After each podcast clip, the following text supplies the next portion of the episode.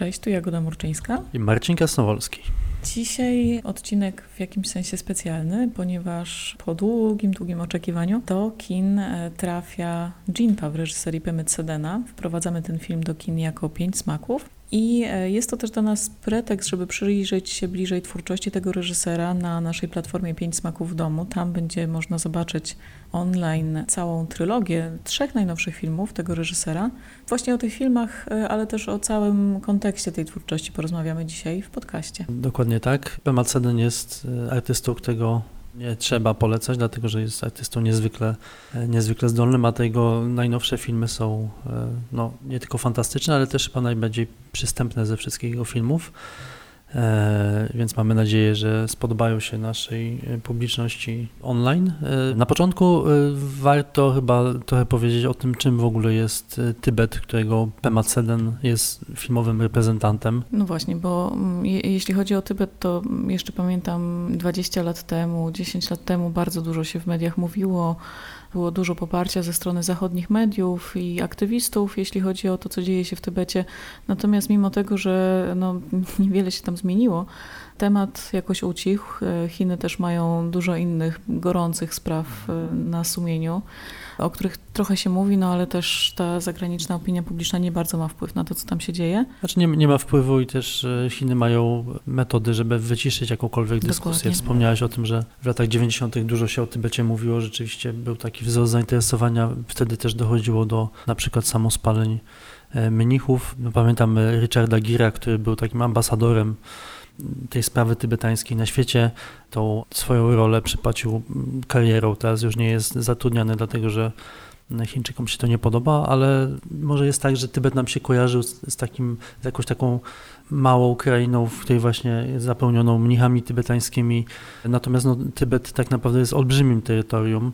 Jest to najwyższy płaskowyż świata. Jest to no, taka bardzo surowa przestrzeń, co zresztą świetnie widać w filmach Pemecedena i jest zamieszkiwany przez zaledwie 6 milionów e, ludzi. Warto chyba też powiedzieć o tym, czemu właściwie Tybet był tak ważny dla Chin, że e, one postanowiły go podporządkować. No jest to przede wszystkim bardzo ważny geograficznie teren. On jest po pierwsze dla Chin stanowi taką no, zachodnią granicę, która jest naturalną granicą, jest granicą nie do przejścia dla dużej ilości wojsk, dlatego że są to wysokie góry, ale także kluczowe jest to, że właśnie z, z tego płaskowyżu wypływa 10 wielkich rzek i są to rzeki, które zasilają 10 państw z tego regionu. I są to oczywiście e, rzeki chińskie, takie jak Yangtze czy Żółta Rzeka, ale także Mekong, Indus czy Brahmaputra. To są rzeki, które płyną do, do innych krajów i są kluczowe absolutnie dla tych gospodarek. Także mówi się o Tybecie jako wieży wodnej Azji i tak, no, kto kontroluje źródła tej rzek, ten kontroluje tak naprawdę cały ten teren. No, zresztą całkiem niedawno Chiny ogłosiły budowę największej tamy ze swoich dotychczasowych projektów na jednej z tybetańskich świętych rzek, więc rzeczywiście no, jest to potężne narzędzie kontroli. Też y, bardzo niedawno, w lipcu 2021 roku, e, miała miejsce pierwsza wizyta Xi Jinpinga do Tybetu po prawie 30 latach nieobecności tam chińskich przywódców. No i komentatorzy mówili o tym, że jest to takie potwierdzenie że Pekin bardzo już pewnie się czuje, jeżeli chodzi o podporządkowanie sobie tego terytorium, że już ma takie przekonanie, że ludność jest gotowa, żeby powitać prezydenta z otwartymi ramionami. No oczywiście były tam wielkie obchody i e, posunięto się wręcz do tego, że e, pojawił się tam w czasie tych transmisji tych obchodów taki gigantyczny portret Xi Jinpinga, taki rodzaj portretów, które kojarzymy z filmów jeszcze z czasów Mao, tak, że to no, jakby już trochę to propagandowe narzędzie nie było używane w ostatnich latach, a tutaj powróciło z wielką mocą. No więc jest to taki sygnał, że, że już, e, no właśnie, czują się tam po prostu u siebie. Tak, no być może pamiętają też Państwo, że w zeszłym roku dochodziło do no, takich potyczek na granicy, w górach, na granicy chińsko-indyjskiej. Niektórzy mieli obawy, że dojdzie do wielkiej wojny dwóch najbardziej licznych krajów świata. No na pewno taka wojna byłaby czymś niewyobrażalnie wielkim.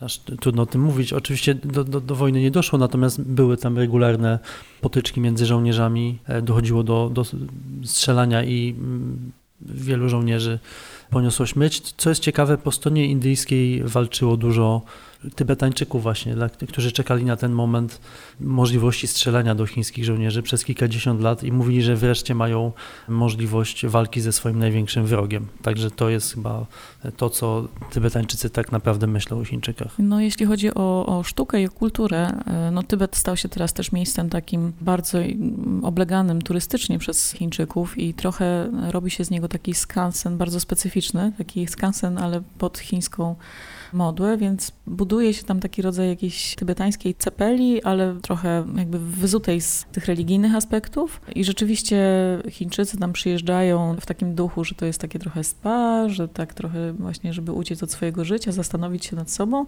No ale oczywiście nie ma to żadnych konotacji z tą oryginalną tybetańską religią i z, z tą turystyką religijną, która tam kwitła tak. i kwitnie jeszcze ciągle, ale w bardzo ograniczonym sensie. Przypomnijmy, że najwyższa kolej świata dojeżdża właśnie na, na Pasko wiesz, tybetański e, i znalazłem takie statystyki, że kiedy jeszcze turystyka przed pandemią koronawirusa jeździło tam nawet 40 milionów turystów rocznie, no to są bardzo duże liczby i pokazuje to, że to też jest tak naprawdę źródło dużego dochodu dla dla Chin, bo oczywiście każdy z tych turystów jest tam dobrze pilnowany i może zobaczyć tylko to, na co Chińczycy pozwalają. Tak, no buduje się e, hotele, powstają takie no, ośrodki które prezentują tą lokalną kulturę, ale w ramach takich folklorystycznych pokazów z pięknymi kostiumami i tańcami, no ale to jest jednak wszystko dosyć spreparowane.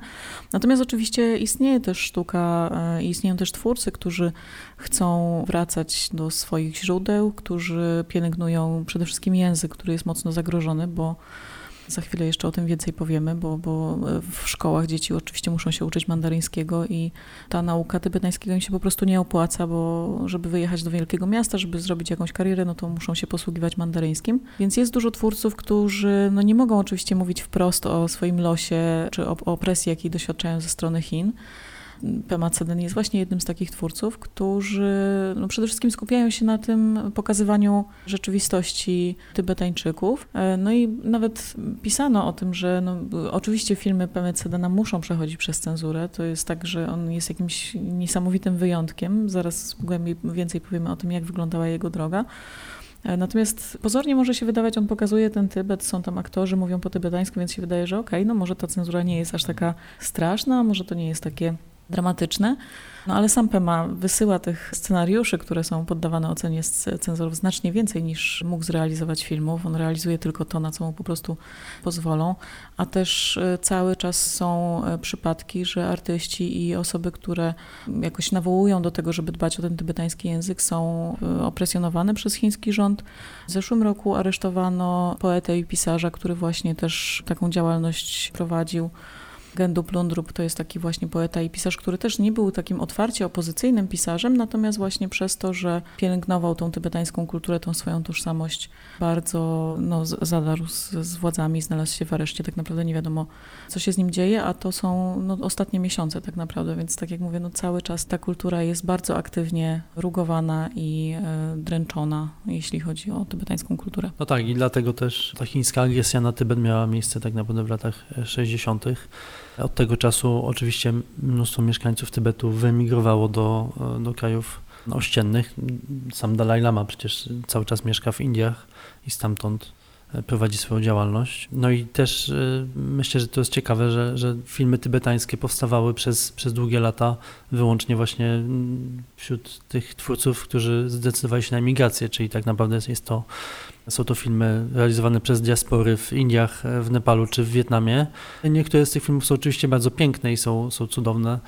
E, natomiast to, co je chyba jakoś cechuje, to jakaś taka nostalgia za, za utraconą krainą tak naprawdę. Tak, powstało, no wymieńmy może, żeby dla porządku, e, za ten pierwszy tybetański film fabularny uznaje się Puchar Himalajów. To ciekawe w ogóle bardzo dzieło w reżyserii Kience Norbu. To twórca, który jest mnichem, e, jest pół tybetańczykiem, pół. I on e, rzeczywiście realizuje takie filmy, które opowiadają o tamtej lokalnej kulturze. E, w, w tym filmie wystąpili e, tybetańscy aktorzy i, i opowiadał on taką anegdotyczną dosyć sytuację z lokalnej rzeczywistości. Warto też wspomnieć taki tytuł jak Wind Horse. Obydwa te filmy to są lata 90. późne. ten Winehorse, on był zrealizowany właśnie partyzancko, zrealizowany w lasie, ale nielegalnie, z ukrytej kamery. Były to właśnie, tak jak mówisz, filmy, które poruszały tematy bliskie emigrantom. Często też no, są to takie filmy, które cechuje ta nostalgia, ale też takie idealizowanie i trochę też no, taka perspektywa kogoś, kto jest tak naprawdę na zewnątrz. Ciekawe są też te filmy, które opowiadają o, o rzeczywistości migrantów i też był taki bardzo ważny film Dreaming Glassa w 2005 Tenzin Zonam i, i Ritu Sarin zrealizowali, właśnie opowiadający o tym, jak wyglądają losy Tybetańczyków na obczyźnie. No ale to jest y, właśnie taka perspektywa zewnętrzna i e, kiedy pojawiły się te pierwsze filmy Pemet Sedena, w diasporze traktowano je bardzo podejrzliwie, bo oczywiście najpierw nie można ich było e, obejrzeć. W ogóle pojawiła się informacja, że, że jest taki twórca, który ukończył Pekińską Akademię Filmową, czyli no to najważniejszą, największą e, uczelnię filmową i teatralną w Chinach. No więc początkowo zakładano, że to na pewno jest manipulacja, że to będzie jakaś taka sentymentalna właśnie etnograficzna laurka albo taki film propagandowy podporządkowany ideologii chińskich władz. No okazało się, że to były zdecydowanie mylne podejrzenia.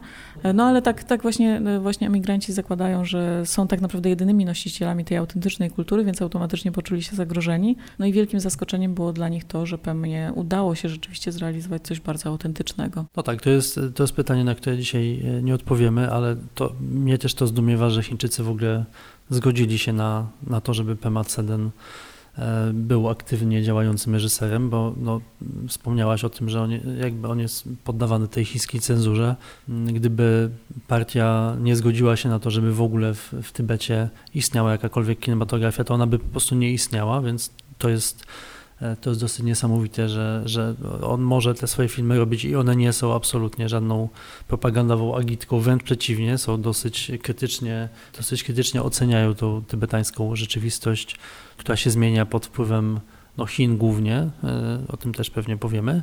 Natomiast no, wydaje się, że to jest też część jakiegoś większego takiego procesu e, dopuszczania do, do głosu twórców, którzy oficjalnie mają status minority nationality filmmakers, czyli no, nie są Chińczykami, e, ale są mieszkańcami Chin i no, pytanie też, jak długo jeszcze Pemacedyn będzie mógł te swoje filmy robić. Widzimy tutaj w ostatnich miesiącach bardzo zaostrzającą się taki kurs Chin i coraz mocniejszą cenzurę jakiejkolwiek sztuki, więc ciekawe, czy on nadal będzie mógł te swoje filmy tworzyć. Na pewno pomaga mu to, że jest rzeczywiście, tak jak mówisz, minority director, czyli e, twórcą mniejszościowym i też tutaj to jest też taka charakterystyczna dla tej ostatniej polityki chińskiej miękkie regulowanie tego, co się pojawia, bo rzeczywiście oni pozwalają na pewne takie treści, które są e, może trudniejsze w odbiorze, ale tak, Pema Ceden nie jest reżyserem dokumentalnym, nie próbuje tutaj tworzyć jakichś reportaży, nie próbuje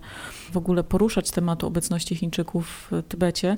Można zwrócić uwagę, że w jego filmach w zasadzie nie pojawiają się tu pojedyncze postaci, z drobnymi wyjątkami.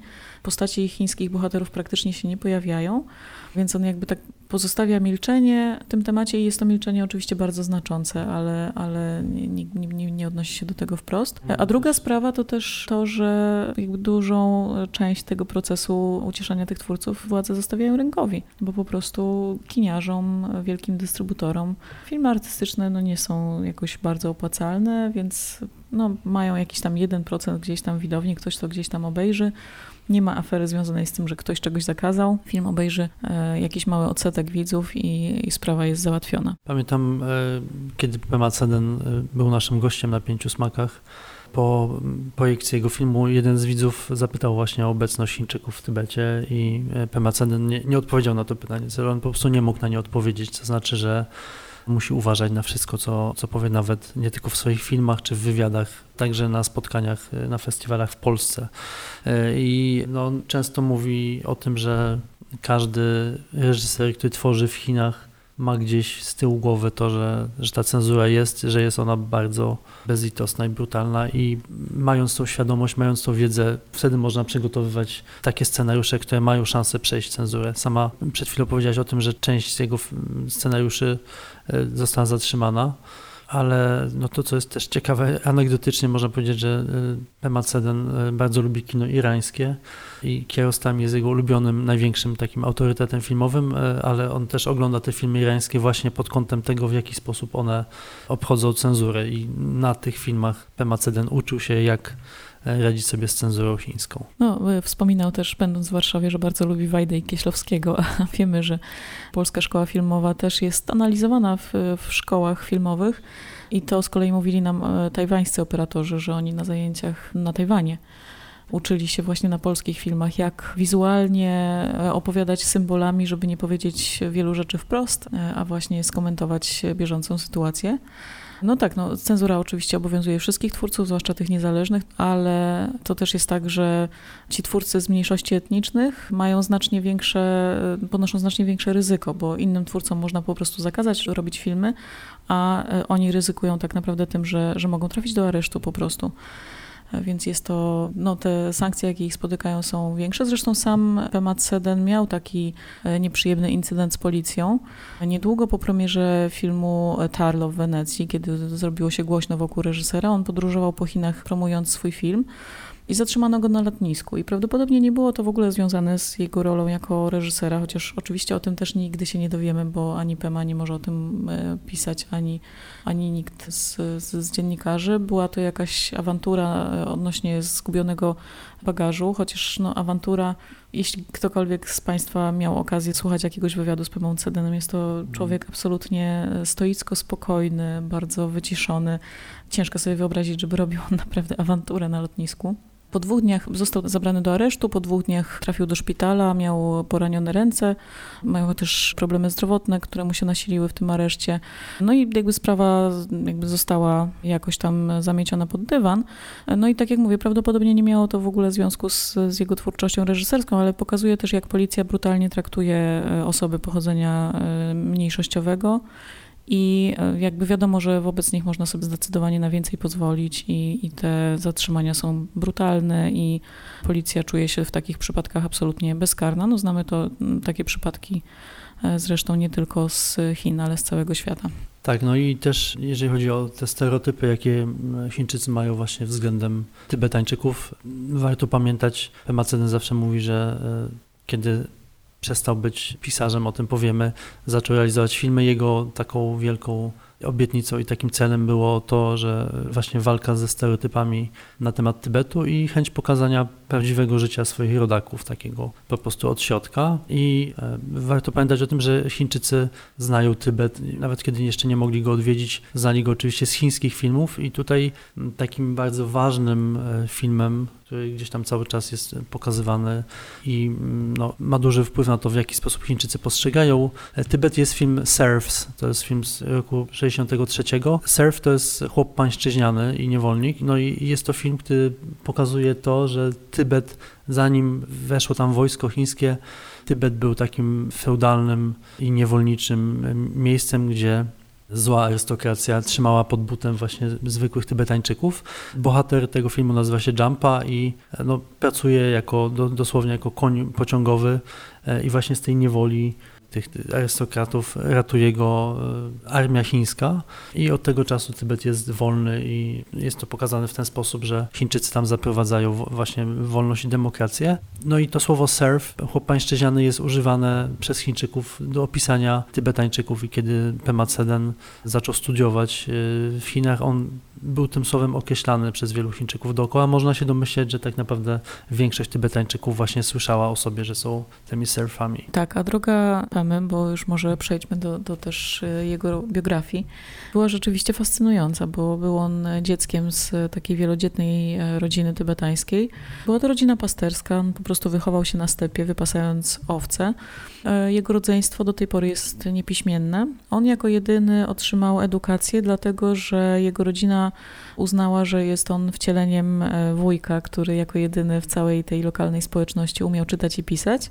No i postanowili mu dać tą szansę, zapewne dużym wysiłkiem, bo edukowanie dzieci jest e, oczywiście bardzo kosztowne i, i wiąże się z wielkim wysiłkiem dla całej rodziny.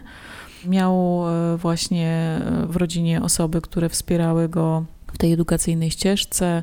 Opowiada też często o innym swoim wuju, który uczył go buddyzmu, czytał mu księgi, poznawał dzięki niemu całą filozofię buddyjską, ale też tą, te wszystkie opowieści, legendy, całą tą literaturę mówioną, która jest w Tybecie cały czas żywa, na pewno była żywa jeszcze w czasach młodości Pemet Sedena, więc rzeczywiście tą kulturą bardzo nasiął. Potem został przez jakiś czas nauczycielem, pracował też jako urzędnik państwowy, aż stypendium pozwoliło mu właśnie dostać się na tą prestiżową Pekińską Akademię Filmową. Przypominam, że to jest miejsce, w którym jest najwięcej studentów na jedno miejsce i rzeczywiście jest to takie miejsce uważane za absolutną świątynię sztuki filmowej i teatralnej w, w Chinach. Tak, no on był w ogóle pierwszym Tybetańczykiem, który dostał się tą, do tej szkoły filmowej.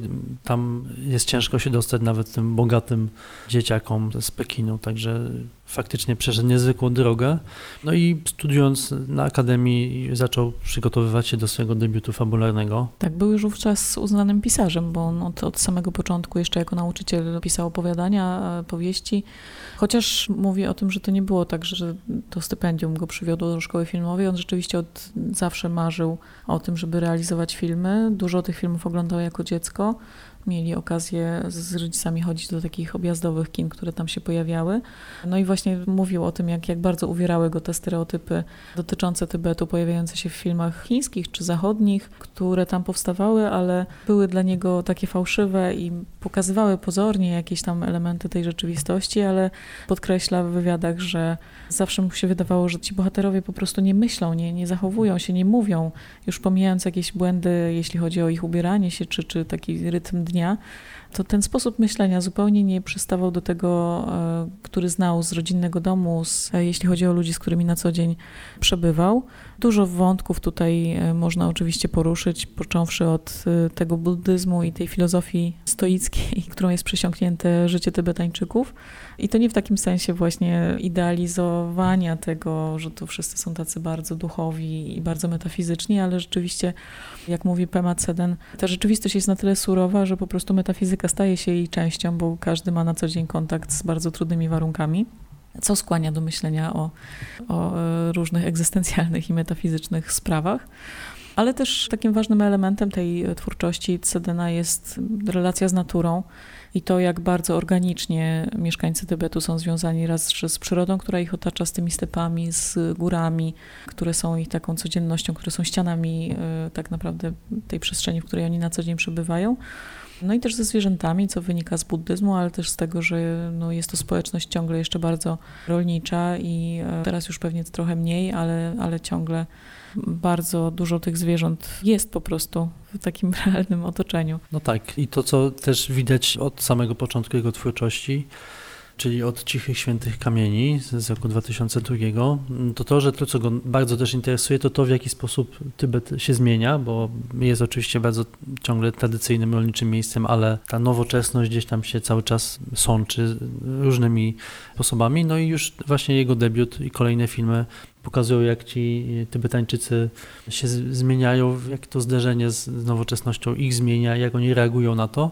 Ciche Święte Kamienie są, są takim no bardzo, to jest przepiękny film absolutnie, jest taka pozornie prosta opowieść o, o chłopcu, który jest no, mnichem buddyjskim, ogląda razem ze wszystkimi mnichami w, te, w telewizorze serial chiński Podróż na Zachód, to jest ta historia o małpim królu i no, widać, że, że ten, ten telewizor jest takim e, przedmiotem, można powiedzieć, ze świata zewnętrznego, który widać, że ma wielki wpływ na to, jak ten bohater, jak ci mnisi zaczynają się zmieniać, jak zupełnie jest to inna rzecz od tego, do czego byli przyzwyczajeni wcześniej. Tak, są tam też takie sceny, w których pojawia się tradycyjna opera e, tybetańska, takie przedstawienie, a zaraz później młodzi tańczący do tybetańskiego techno, więc ten mhm. aspekt takiej kultury nowoczesnej, który tam wkracza, też się pojawia, bo właśnie to nie są takie filmy jest takie ładne angielskie określenie pastoralne, takie właśnie sielankowe, że tutaj prowincja, te owce. Nie, nie, tam one są bardzo zadziorne i mają ten taki rodzaj specyficznego humoru, który jest dla Pemy też bardzo ważnym elementem kultury tybetańskiej i rzeczywiście we wszystkich tych filmach,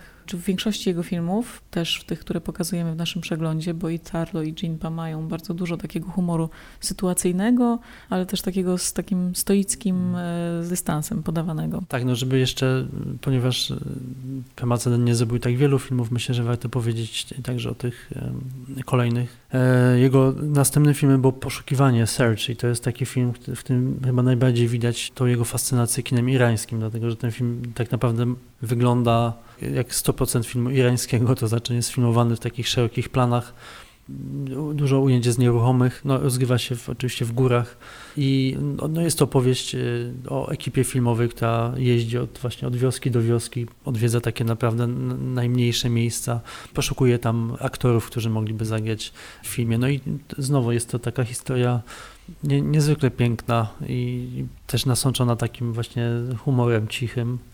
E, nie, niezwykłe przeżycie. Mam nadzieję, że kiedyś ten film dotrze do, do nas, bo już przy tym filmie widać, jak wielkim talentem jest, jak, jak, jak wielki talent miał właśnie Pema Ceden. No, kolejnym filmem jest e, Stary Pies. To jest bardzo ciekawa historia i tutaj właśnie pojawiają się tak mocno chińscy bohaterowie, bo motywem przewodnim tego filmu jest taka moda, która w Chinach nastała. Bogaci Chińczycy upodobali sobie z jakiegoś powodu pasterskie mastify, które w Tybecie są bardzo ważnym elementem tej pasterskiej kultury i są tak naprawdę członkami rodzin pasterskich. No i ci bogaci Chińczycy przyjeżdżają do Tybetu kupować te psy, posuwając się też do przeróżnych szantaży i no oczywiście rodzi to taką nie, niezdrową sytuację, w której te psy mają być, e, no, wręcz poluje się na te psy, żeby, czy wykrada, żeby właśnie zarobić na nich jak największe pieniądze. No tak, no to jest właśnie film, ja byłem zachwycony nim, uważam, że to jest arcydzieło, jest to film bardzo smutny, który tak bardzo dobitnie pokazuje właśnie e, jak tradycja umiera, jak pewne zwyczaje umierają pod wpływem czegoś z zewnątrz. Tutaj tym czymś z zewnątrz są właśnie, są właśnie Chiny. No i w tym przypadku zastanawiałem się, oglądając ten film, dlaczego właśnie Chińczycy zgodzili się, żeby ten film powstał, bo jednak tutaj to źródło zagrożenia jest jasne i są to Chiny, natomiast faktycznie ta tradycja tybetańska jest czymś, co tutaj umiera w taki dosyć dosłowny i smutny sposób. Wielki film, naprawdę niezwykłe przeżycie. Tak, no właśnie, to jest bardzo ciekawe, bo tak jak mówiliśmy, ta obecność Chin jest taka bardzo dyskretna, ale pojawia się w takich drobnych elementach. Mówiłam już o tym języku. W kamieniach właśnie jest taka scena, kiedy dwaj bracia rozmawiają i jeden stwierdza, że, że właśnie tylko nauka języka chińskiego da mu pracę w mieście, ale też pojawiają się tam różne takie drobne elementy, na które zwracają też uwagę przede wszystkim e, migranci, którzy znają tą kulturę tybetańską od środka. W jednym z filmów pojawia się na przykład nagranie tybetańskiego artysty, który tworzy w Stanach Zjednoczonych, jest właśnie jednym z tych artystów na wygnaniu. Tutaj bohater, gdzieś tam w tle pojawia się jego muzyka. Nie wiem, czy cenzura tego po prostu nie wyłapała, nie, nie znali tego, czy, czy gdzieś to udało się jakoś tak przemycić. No, więc nie są to absolutnie filmy właśnie wprost polityczne, ale takie drobne elementy cały czas się tam gdzieś przewijają. No tak, i też pewnym zagrożeniem tożsamości Tybetańczyków, punktem wyjścia filmu Tarlo, który będą mogli Państwo obejrzeć na naszej platformie, jest właśnie kolejny pomysł Chin e, na to, jak wziąć Tybetańczyków pod but i ich ewidencjonować. Nasz bohater jest pasterzem, e, mieszka wysoko w górach, ale musi zejść do miasteczka, dlatego że pojawia się obowiązek wyrobienia sobie dowodu osobistego. Jest to coś e, dla, dla Tybetańczyków zupełnie niezrozumiałego, bo jak mówi bohater, on nie potrzebuje żadnego dowodu osobistego, bo on wie kim jest, więc po co mu jakiś świstek papieru. No ale to jest coś, co jest instytucyjnie na, na niego narzucone i jest jakby źródłem jego problemów i początkiem filmu. Tak, jest to taki bardzo dotkliwy obowiązek i wielu Tybetańczyków wspominało ten moment, kiedy zaczęły te dowody się pojawiać jako taki właśnie wyraźny sygnał, że oni są podporządkowani, że muszą być spisani, że podlegają w ogóle jakimś jakimś rejestracjom. Natomiast no, UPM znowu to jest taki punkt wyjścia do opowiedzenia pewnej zupełnie innej historii, skupienie się na też zmianie w życiu tego bohatera, na tym, czego on doświadcza, podróżując do wielkiego z jego perspektywy miasta i, i poznając zupełnie nowe osoby. Wiemy o tym, co symbolizuje ta cała procedura wydania dowodu. Jest tam też taka żartobliwa scena, kiedy bohater recytuje z pamięci czerwoną książeczkę Mao e, więc te elementy się tam pojawiają. Natomiast no, jednak Pema skupia się przede wszystkim na, na swoim bohaterze i opowiada taką bardzo humanistyczną, piękną opowieść. To go interesuje, te małe, indywidualne, osobiste historie. Też to, co jest charakterystyczne dla Tarlo, to postać kobieca tutaj, która jest, pojawia się w, życiu bohatera i nieźle nieźle to życie wywraca do góry nogami, ale e, no jest taką mocną, bardzo mocnym charakterem i też jest e, osobą, która jest znacznie bardziej postępowa i ma ochotę na, na zobaczenie wielkiego świata, na co na przykład Tarlo zupełnie, o czym pewnie nigdy wcześniej nie myślał. I to jest chyba pierwsza taka mocna właśnie postać kobieca, kobieca w twórczości Pemecedena, a każdy jego kolejny film już taką postać e, ma. Tak, choć trzeba zaznaczyć, że też no jest to bohaterka dosyć kontrowersyjna, bo ona tam e, jest e, wzorowana trochę, czy aktorka, która ją e, odgrywała, też mówi o tym, że wzorowała się na właśnie tym chińskim pokoleniu milenialców. No i tu znowu mamy film o pasterzach, tak czarno-biały, bardzo piękny, ale tak naprawdę wiele mówi o współczesnych Chinach. I ona opowiadała o tym, jak przygotowując się do roli, to też bardzo uznana swoją drogą aktorka, głównie teatralna, bardzo młoda, ale, ale już doświadczona obserwowała właśnie te dziewczyny, które e, no, chcą poradzić sobie w życiu i chcą jakoś przeskoczyć w drabinie społecznej i są, są takie interesowne, e, skupione na materialnej stronie życia. To było dla niej bardzo ważne, żeby jakby poczytać książki o takich bohaterkach, poczytać blogi e, takich dziewczyn, więc no, też można tego nie zauważyć tak naprawdę i te, tego odniesienia do współczesnej chińskiej kultury, ale jest ono tutaj bardzo wyraźne. Z anegdot takich związanych z tym filmem można wspomnieć, że aktorka musiała się nauczyć sztuki fryzjerskiej i w związku z tym trenowała do, do sceny pewnej bardzo kluczowej obcinania włosów na członkach ekipy, więc pod koniec zdjęć połowa ekipy e, chodziła z bardzo krótko ogolonymi włosami. No, aktor, który wciela się w, w Tarlo, w, w tytułowego bohatera, jest też bardzo uznanym e, aktorem teatralnym, ale też komikiem, który zupełnie też nie czuł, że może zagrać takiego bardzo wycofanego z rzeczywistości pasterza, ale kiedy wczytał się w scenariusz, kiedy znalazł się też na miejscu, w tym otoczeniu, okazało się, że doskonale się odnajduje w tej roli, do tego stopnia, że wielu krytyków było przekonanych, że jest to autentyczny pasterz, że jest to właśnie taka osoba bardzo małomówna, bardzo gdzieś pochodząca, z, żyjąca przez cały rok w górach i nie mająca kontaktu z ludźmi. Nie, to jest, to jest bardzo znany, popularny aktor, który zresztą dla tej roli pewnie bardzo znaczącej dla jego kariery, poświęcił swoje długie włosy zapuszczane przez 17 lat. To, co widać też e, w Tarlo, a przede wszystkim w kolejnym filmie, czyli w Jimpie, to to, że każdy z bohaterów odbywa jakąś podróż i to nie tylko taką podróż duchową, ale także podróż fizyczną.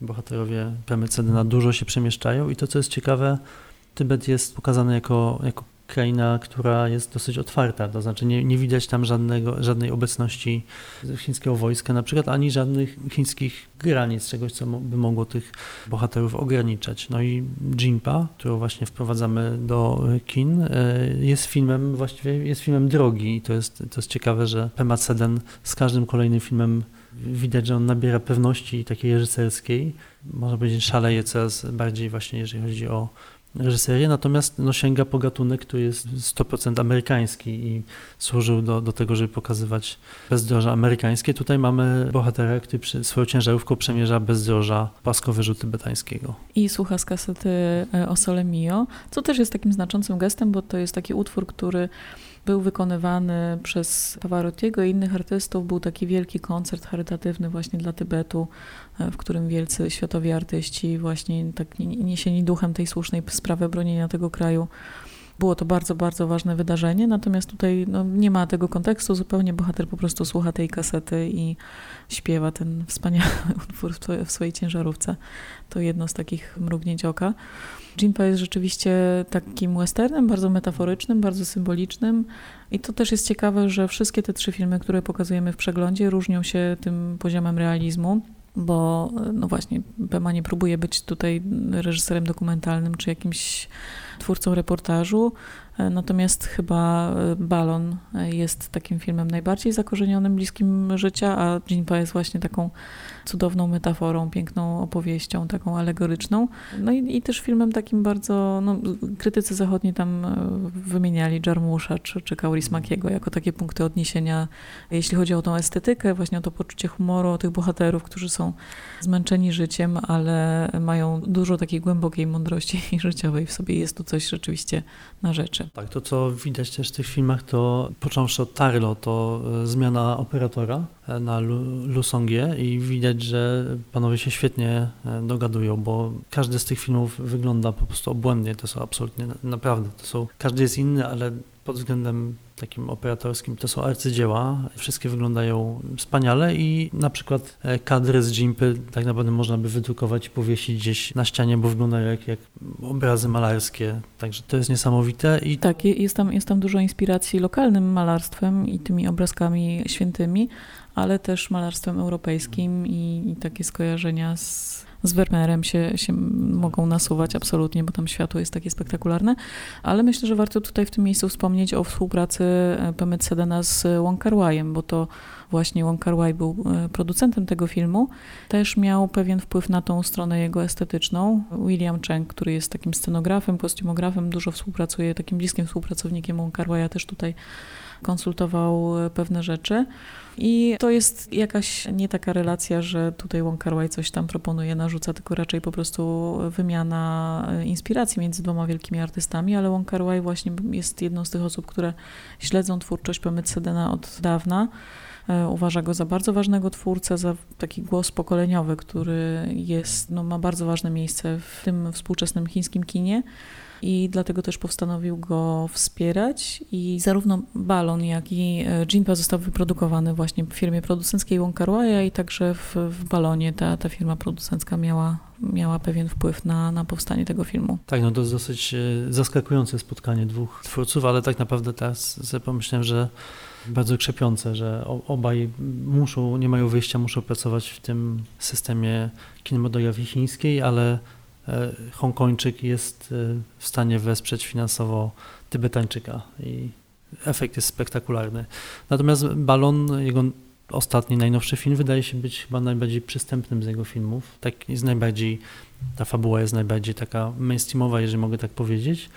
No i to też jest e, opowieść o tym, w jaki sposób rzeczywistość i polityka chińska mają wpływ na E, na życie Tybetańczyków i to taki bardzo bezpośredni wpływ, no bo tam przechodzi polityka jednego dziecka i te wielodzietne rodziny muszą też się tej polityce, chociaż mniej restrykcyjnie, ale muszą się podporządkować. Natomiast to, co jest dla mnie ciekawe, to to, że też mamy tutaj postać kobiecą, która też jest taką najbardziej wymancypowaną chyba właśnie postacią, bo ona sama zaczyna sobie zdawać sprawę z tego, że kolejne dziecko, które jakby jest narzucane jej przez męża i przez społeczność, może nie być tym, co dla niej osobiście będzie najlepsze. Tak, to jest bardzo ciekawe, że tutaj z jednej strony mamy to prawo, które reguluje sytuację. Wspomnijmy tylko dla porządku, że właśnie hasło polityka jednego dziecka, no to oczywiście wszyscy wiedzą, jak to wyglądało w chińskiej rzeczywistości, natomiast niewiele osób wie, że od tej reguły jednego potomka było wiele wyjątków i właśnie mniejszości etniczne i e, rodziny żyjące na prowincji były jednym z takich wyjątków, ponieważ przede wszystkim starano się ograniczyć dzietność w miastach, gdzie napływało bardzo wielu nowych mieszkańców. Natomiast no, w regionach rolniczych pozwalano jednak no, na większe rodziny, żeby po prostu rodzice mieli wsparcie w dzieciach, które przecież od małego tam zwykle pracują też na, na roli czy w, na pastwiskach. I e, Tybetańczycy mogli mieć przez większość tego okresu obowiązywania tej polityki trójkę dzieci, filmie widzimy bohaterów, którzy spodziewają się czwartego, ale tak jak mówisz, kobiety tutaj są w bardzo ciekawej sytuacji, bo z jednej strony właśnie dotyczą ich te drastyczne ograniczenia reprodukcyjne, bo to one stawały się ofiarami tych medycznych zabiegów, które Chińczycy przeprowadzali, to znaczy przymusowych aborcji, przymusowych sterylizacji, no tam po prostu ta polityka też była realizowana tak, że kiedy kobieta urodziła tą przepisową ilość dzieci, to w całych Chinach obowiązywało, po prostu miała przymusowo zakładaną wkładkę antykoncepcyjną i po prostu nie wolno było mieć więcej dzieci.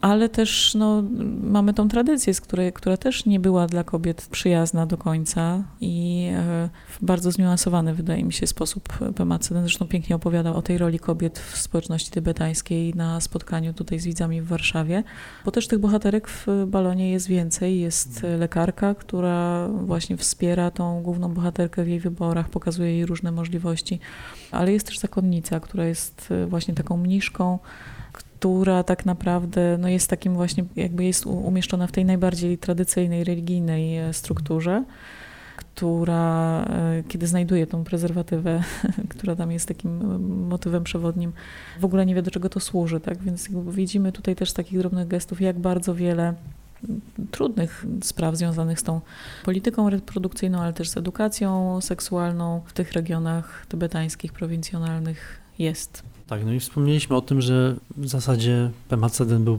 pierwszym reżyserem, który miał szansę reprezentować Tybet jako filmowiec. To, co jest ciekawe, to, co cieszy, to to, że jego współpracownicy, osoby, z którymi pracował na, na planie, a e, należy tutaj też zaznaczyć, że takich osób w ogóle jest było bardzo mało, to znaczy zaczęcie tworzenia kina w Tybecie wiązało się z tym, że trzeba było tam dostarczyć sprzęt, który jest drogi, ciężki, który ciężko przewieźć, ale także znaleźć ludzi, którzy byli w stanie, nie tylko aktorów, e, ale także po prostu operatorów, montażystów i tak dalej, więc tutaj e, te filmy PM Cedena sprawiły, że pojawiła się grupa ludzi, którzy tym kinem zaczęli się interesować i mieli większe ambicje niż tylko właśnie jakieś funkcje techniczne, zaczęli reżyserować kolejne filmy i można powiedzieć, że teraz ta kinematografia tybetańska jest oczywiście bardzo skromna, ale istnieje i to jest już co najmniej parę nazwisk. Tak, jest to innymi właśnie Sontar Gial, który był operatorem, a teraz już sam reżyseruje swoje filmy, które też trafiły na międzynarodowe festiwale.